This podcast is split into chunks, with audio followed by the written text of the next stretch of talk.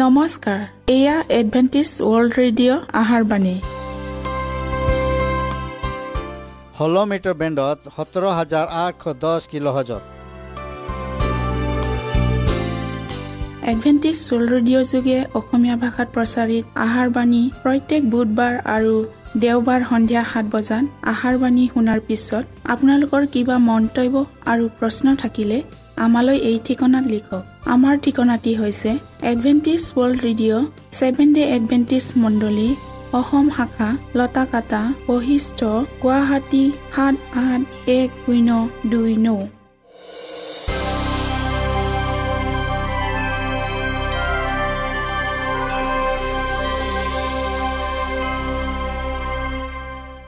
প্ৰিয় শ্ৰোতা বন্ধুসকল এতিয়া শুনো আহক এটি খ্ৰীষ্টীয় ধৰ্মীয় গীত।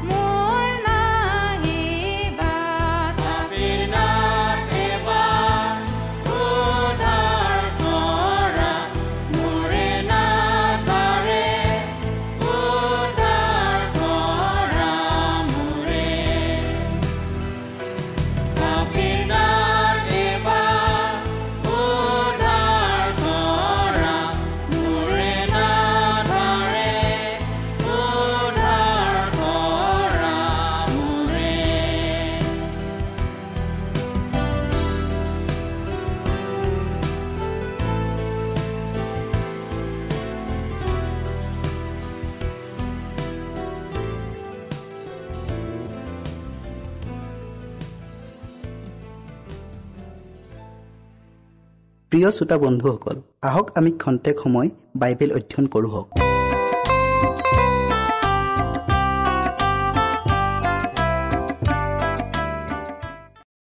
প্ৰিয় শ্ৰোতা বন্ধুসকল নমস্কাৰ। আজি আমি নতুন দৃষ্টান্ত খেতিয়কজন কঠীয়া সিঁচিবলৈ গ'ল। এই দৃষ্টান্তক অধ্যয়ন কৰোঁ হওক। আপোনালোকে শাস্ত্ৰ পদ পঢ়িব মঠি তেৰ অধ্যায়ৰ এক পদৰ পৰা নৌ পদলৈকে আৰু ওঠৰ পদৰ পৰা তেইছ পদলৈকে। বিষয়টিৰ আগবঢ়োৱাৰ আগতে আমি প্ৰাৰ্থনা কৰোঁ হওক। হে স্বৰ্গত থকা পবিত্ৰ জীৱনময় গৰাকী তোমাক ধন্যবাদ দিছোঁ প্ৰভু কিয়নো তোমাৰ আশীৰ্বাদ আৰু দয়াত এই সুন্দৰ সময় আকৌ আমি পালোঁ। প্ৰভু তুমি আমাৰ সংগে সংগে থাকি যি বিষয় অধ্যয়ন কৰিবলৈ আগবঢ়াইছোঁ এই বিষয়টোলৈ জানিবলৈ জ্ঞান আৰু বুদ্ধি দান দিয়া যীশুৰ পবিত্ৰ নামত খুজিলোঁ। আমেন। কৃষ্টই অৰ্থাৎ মহান খেতিয়কজনে খেতিয়কৰ দৃষ্টান্তৰে স্বৰ্গ ৰাইজৰ বিষয়ে তেওঁৰ লোকবিলাকলৈ কৰা কৰ্মৰ বৰ্ণনা কৰিছে। খেতিয়কে পথাৰৰ গুটি ছটিয়াই সিঁচাৰ দৰে তেওঁ সত্যৰ স্বৰ্গীয় কঠীয়া সিঁচিবলৈ আহিল আৰু তেওঁৰ দৃষ্টান্ত শিক্ষাই এই মহামূল্যৱান অনুগ্ৰহৰ সত্য কঠীয়াস্বৰূপ সিঁচা হ'ল। খেতিয়কৰ দৃষ্টান্তৰে সৰলভাৱে কোৱাত ইয়াক গুৰুত্ব দিয়া নহ'ল।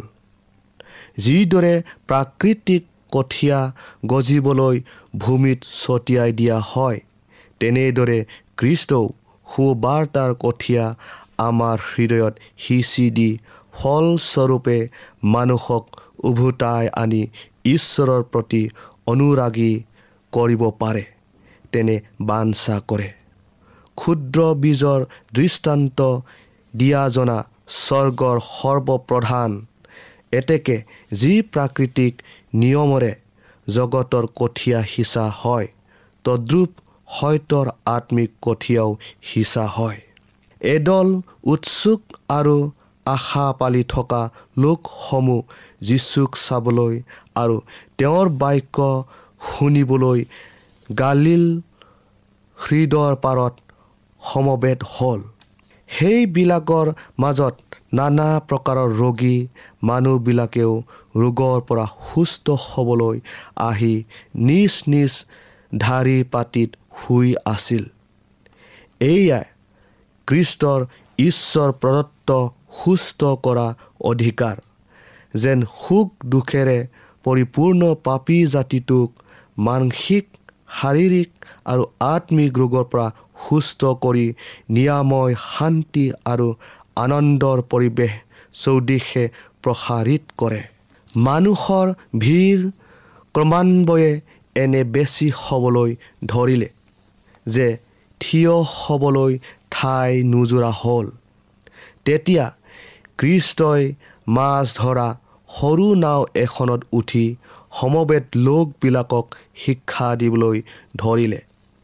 ইয়াৰ পাছত তেওঁক গালিল হৃদৰ আনটো পাৰলৈ নিবলৈ অপেক্ষা কৰি থকা নাওখন পৰা শিষ্যবিলাকক বামত থাকিবলৈ আদেশ দি পাৰত থকা লোকসমূহক শিক্ষা দিবলৈ ধৰিলে। গালিল হৃদৰ কাষতে গিনেশ্বৰতৰ ধুনীয়া সমতল ভূমি ইয়াৰ পাহাৰৰ ডাঠি কাষৰীয়া আৰু ভৈয়ামৰ ঠাই অঞ্চলবোৰত খেতিয়কবিলাকে শস্য সিঁচা আৰু আগতীয়া শস্য দোৱা কাৰ্যত ব্যস্ত হৈ থকা দৃশ্যবোৰলৈ চাই কৃষ্টই কৈছিল চোৱা এজন খেতিয়কে কঠীয়া সিঁচিবলৈ গ'ল আৰু তেওঁ কঠীয়া সিঁচোতে সিঁচোতে কেতবোৰ কঠীয়া বাটৰ কাষত পৰিল। তাতে চৰাইবোৰে আহি সেইবোৰ কুটি খালে। কেতবোৰ অলপ মাটি থকা শিলনিত পৰি মাটি দাঁত নোখোৱাত সোনকালে গজিল। কিন্তু সূৰ্য উদয় হলত টাব লাগি তাৰ শিপা নোখোৱাত শুকাই গ'ল। আৰু কেতবোৰ কাঁইটনিত পৰিল তাতে কাঁইটীয়া বন বাঢ়ি তাক হেঁচি ধৰি মাৰিলে। কিন্তু আনবোৰ ভাল মাটিত পৰিল তাতে কেতবোৰ এশ গুণ কেতবোৰ তিনি কুৰি গুণ কেতবোৰ ডেৰ কুৰি গুণকৈ গুটি ধৰিলে। খ্ৰীষ্টৰ সময়ত লোকবিলাকে তেওঁৰ কাৰ্যৱলীৰ উদ্দেশ্য বুজি পোৱা নাছিল। কাৰণ তেওঁলোকৰ আশা কৰা মতে তেওঁৰ আগমনৰ চিনসমূহ পৰিলক্ষিত হোৱা নাছিল। প্ৰভু যীশুৱে যিহুদী জাতিটোৰ সংসাৰ যাত্ৰা নিৰ্বাহৰ প্ৰতিষ্ঠাপক আছিল। অকল এইয়ে নহয় সেৱা আৰাধনাৰ বাবে দিয়া বিধি বিধানো ঐশ্বৰিক অনুমোদন আছিল। এই ধৰ্মীয় বিধি বিধানবোৰ নিৰূপিত সময়ত আহিব লগা জনাৰ বিষয়ে শিক্ষা দিয়াৰ অভিপ্ৰায়ে ৰচিত হৈছিল। কিন্তু যিহুদীবিলাকে চাহ স্বৰূপ বিধি বিধান প্ৰণালীত আত্মগৌৰৱ কৰি তেওঁলোকৰ মূল লক্ষ্যৰ পৰা ভ্ৰষ্ট হৈ গ'ল। ঈশ্বৰে তেওঁলোকলৈ যি বিধিবোৰ শিকিবলৈ বহন কৰিছিল মানুহৰ পুৰুষানুক্ৰমে চলি অহা কিংবদন্তিবোৰ পকৰা বচনবোৰ আৰু নীতি নিয়মবোৰে ইয়াৰ প্ৰতিবন্ধক স্বৰূপ হ'ল।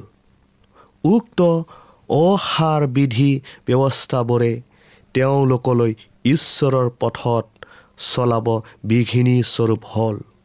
আৰু যেতিয়া খ্ৰীষ্টৰ ব্যক্তিত্বৰে বাস্তৱত প্ৰৱেশ কৰিলে তেওঁলোকৰ দৃষ্টান্তমূলক আৰু চাহস্বৰূপ বিধানখন খ্ৰীষ্টত সিদ্ধ হোৱাত তেওঁলোকে তেওঁক চিনি নাপালে।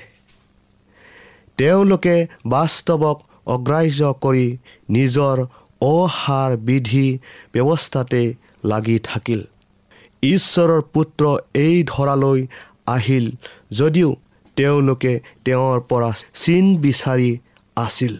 মঠি তিনি অধ্যায়ৰ দুই পদত কৈছে মন পালতোৱা কিয়নো স্বৰ্গৰাইজ ওচৰ হ'ল। এই বাণী শুনোৱা স্বত্তেও তেওঁলোকে কোনো এক আলৌকিক কাৰ্য চাবলৈহে দাবী কৰিলে। তেওঁলোকলৈ কৃষ্টৰ বাণী বা শুভবাৰ্তা উজুতি খোৱা মূঢ়া স্বৰূপ হ'ল। কাৰণ তেওঁলোকে ত্ৰাণকৰ্তাৰ পৰিৱৰ্তে চিন চাবলৈহে দাবী কৰিলে। তেওঁলোকে মচিসজনাৰ পৰা ক্ষমতাযুক্ত আৰু জয়যুক্ত কৰ্মৰে ধ্বংস প্ৰাপ্ত জাগতিক ৰাজ্যখন তেওঁৰ সাম্ৰাজ্য হিচাপে পুনস্থাপনৰ দাবী কৰিলে। তেওঁলোকে আশা কৰা এই দাবীক কৃষ্টই খেতিয়কৰ দৃষ্টান্তৰে প্ৰত্যুত্তৰ দিলে। অস্ত্ৰ শস্ত্ৰ প্ৰয়োগৰ দ্বাৰাই বা উগ্ৰবাদ হস্তক্ষেপৰ দ্বাৰাই ঈশ্বৰৰ ৰাইজ স্থাপিত নহয় বৰং মানুহৰ হৃদয়ত এক নতুন মৌলিক তত্ত্ব ৰোপণ কৰাৰ দ্বাৰাইহে ফলপ্ৰসূ হ'ব। মঠি তেৰ অধ্যায় সাতত্ৰিছ পদত কৈছে যিজনাই ভাল কঠীয়া সিঁচে তেওঁ মানুহৰ পুত্ৰ। কৃষ্ট ৰজাৰ দৰে অহা নাছিল কিন্তু খেতিয়ক হৈ আহিছিল। জগতৰ ৰাজ্য ধ্বংস কৰিবলৈ নহয় কিন্তু কঠীয়া সিঁচিবলৈ আহিছিল। তেওঁৰ অনুগামীবিলাকক জাগতিক জয়োল্লাহ জাতীয় গৌৰৱৰ ফালে আঙুলিয়াই দেখুওৱা নাই। কিন্তু অনেক লঘু লাঞ্চনা হতাশ নিৰা ক্ষয় ক্ষতিৰ মাজেৰে ধৈৰ্য সহকাৰে শস্য চপাবলৈ কৈছে। প্ৰিয় শ্ৰোতা বন্ধুসকল খ্ৰীষ্টই দৃষ্টান্তৰে কোৱা কথাবোৰৰ অৰ্থ পৰিচীবিলাকে বুজি পালেও তেওঁলোকলৈ এই শিক্ষা অবাঞ্চিত যেন হ'ল আৰু নুবুজাৰ ভাও ধৰিলে। লোকসমূহে তেওঁলোকৰ নতুন শিক্ষকজনৰ কথাবোৰ শুনি মহাৰহস্যৰে আবৃত্ত হ'ল। কাৰণ তেওঁৰ কথাবোৰে অতি আচৰিতভাৱে হৃদয় স্পৰ্শ কৰি বিচলিত কৰিলে আৰু বাহিক আশা আকাংক্ষাবোৰ মষিমূৰ কৰিলে। আনকি শিষ্যবিলাকেও এই দৃষ্টান্তৰ তত্ত্ব বুজি নাপালেও বুজাৰ আগ্ৰহ জাগৃত হ'ল। তেওঁলোকে গোপনে যীশুৰ ওচৰলৈ আহি দৃষ্টান্তৰ অৰ্থ বুজাই দিবলৈ ক'লে এয়া কৃষ্টৰে ইচ্ছা আছিল যে তেওঁলোক স্পৃহা জাগৃত কৰি অধিক স্পষ্ট শিক্ষা দিব পাৰে। তেওঁক সৰল অন্তৰেৰে বিচৰাবিলাকক তেওঁৰ দৃষ্টান্ত সৰল সহজ ভাষাৰে ব্যাখ্যা কৰি দিছিল। যিবিলাকে পবিত্ৰ আত্মাৰ উদগনিত সৰল হৃদয়েৰে ঈশ্বৰৰ বাক্য অধ্যয়ন কৰে তেওঁৰ বাক্য অনুসাৰে তেওঁলোক আন্ধাৰত নাথাকিব। কৃষ্টই কৈছিল যদি কোনোৱে তেওঁৰ ইচ্ছা পালন কৰিবলৈ মনস্থ কৰে তেন্তে এই উপদেশ ঈশ্বৰৰ পৰা হয় বা মই নিজৰ পৰা কওঁ তেওঁ তাক জানিব। জোখন সাত অধ্যায় সোতৰ পথ কৃষ্টলৈ অহা সকলোৱে সত্যৰ স্পষ্ট জ্ঞান প্ৰাপ্ত হ'ব।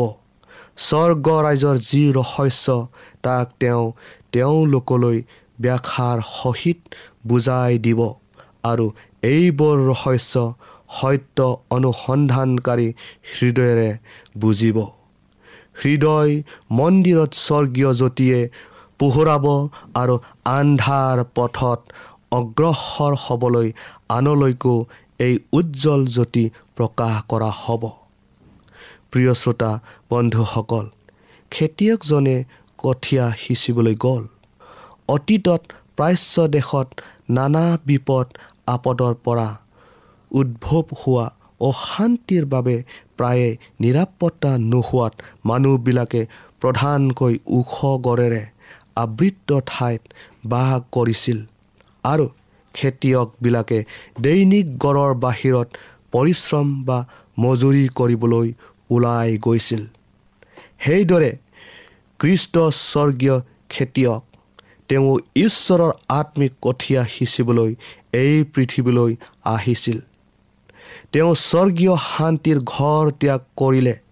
জগত স্থাপনৰ পূৰ্বে তেওঁ নিজ পিতৃৰ সৈতে থকা সময়ৰ যি মহিমা ত্যাগ কৰিলে তেওঁ বিশ্ব সিংহাসনত বহা অধিকাৰো ত্যাগ কৰিলে।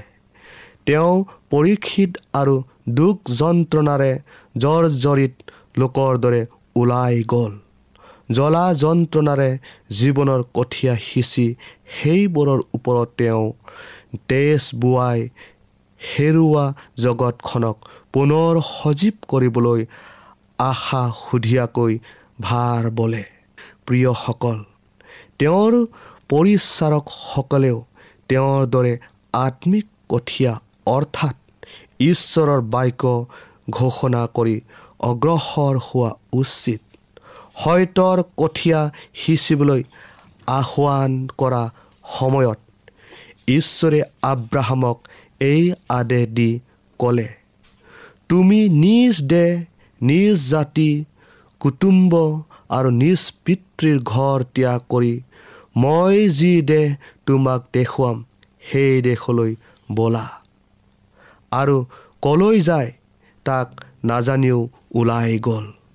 সেইদৰে পাচনি পৌলকো জেৰুচালেম মন্দিৰত প্ৰাৰ্থনা কৰি থাকোঁতে আদেশ দি ক'লে যোৱা কিয়নো মই তোমাক দূৰলৈ পৰজাতিবিলাকৰ ওচৰলৈ পঠাম। পাচনি কৰ্ম বাইছ অধ্যায়ৰ একৈছ পদত চাওক। সেইদৰে যিবিলাকক কৃষ্টৰ সৈতে একত্ৰিত হৈ তেওঁৰ পদানুসৰণ কৰিবলৈ আহ্বান কৰা হ'ল তেওঁলোক জগতৰ লোভ মোহ ত্যাগ কৰক। পুৰণি সংগ পুৰণি স্বভাৱ পুৰণি নীতি নিয়ম জগতৰ অসাৰ আশা এইবোৰ সম্পূৰ্ণৰূপে আঁতৰ হওক। পৰিশ্ৰম আৰু চকুলোৰে আত্মত্যাগৰ সহিত আত্মিক কঠীয়া সিঁচা হওক। খেতিয়কজনে কঠীয়া ৰূপ বাক্য সিঁচিলে। কৃষ্টই সত্যৰ কঠীয়া সিঁচিবলৈ আহিল। কিয়নো মানুহৰ পতনৰ সময়ৰে পৰাই ছয়তানে পাপৰ কঠীয়া সিঁচি আহিছে। সি প্ৰথমতে মিছাৰ দ্বাৰাই মানুহৰ ওপৰত নিয়ন্ত্ৰণ অধিকাৰ কৰিলে আৰু এনেকৈ পৃথিৱীত ঈশ্বৰৰ ৰাজ্য স্থাপন হ'বলৈ নিদি সি এতিয়াও মানুহক তাৰ অধীনত আনিবলৈ অহৰহ চেষ্টা কৰি আছে।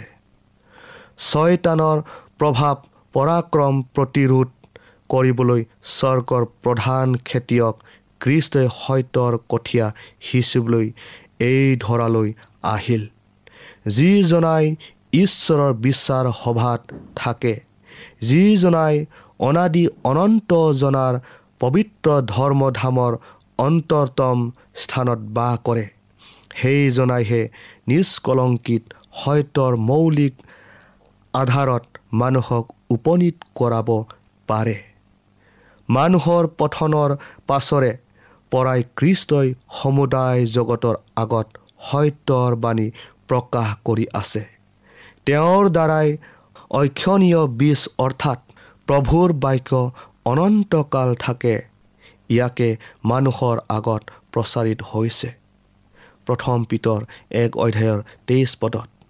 এডেনত আমাৰ আদি পিতৃ মাতৃৰ আগত কৰা কৃষ্টই তেওঁৰ প্ৰথম প্ৰতিজ্ঞাৰ দ্বাৰাই সুবাৰ্তা ৰূপ কঠীয়া সিঁচিছিল আৰু মানুহৰ মাজত তেওঁৰ ব্যক্তিগত পৰিচৰ্যা কৰা কালত খেতিয়কৰ দৃষ্টান্তৰে তেওঁৰ সত্যতা পুনৰ প্ৰতিপন্ন কৰিলে। প্ৰিয় শ্ৰোতা বন্ধুসকল আজি ইমানে।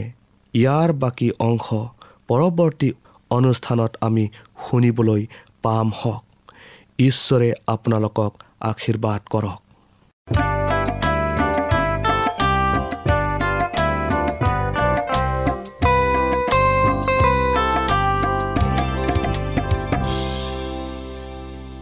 ইমানপৰে আমি বাইবেল অধ্যয়ন কৰিলোঁ। এতিয়া আকৌ শুনো আহক এটি খ্ৰীষ্টীয় ধৰ্মীয় গীত।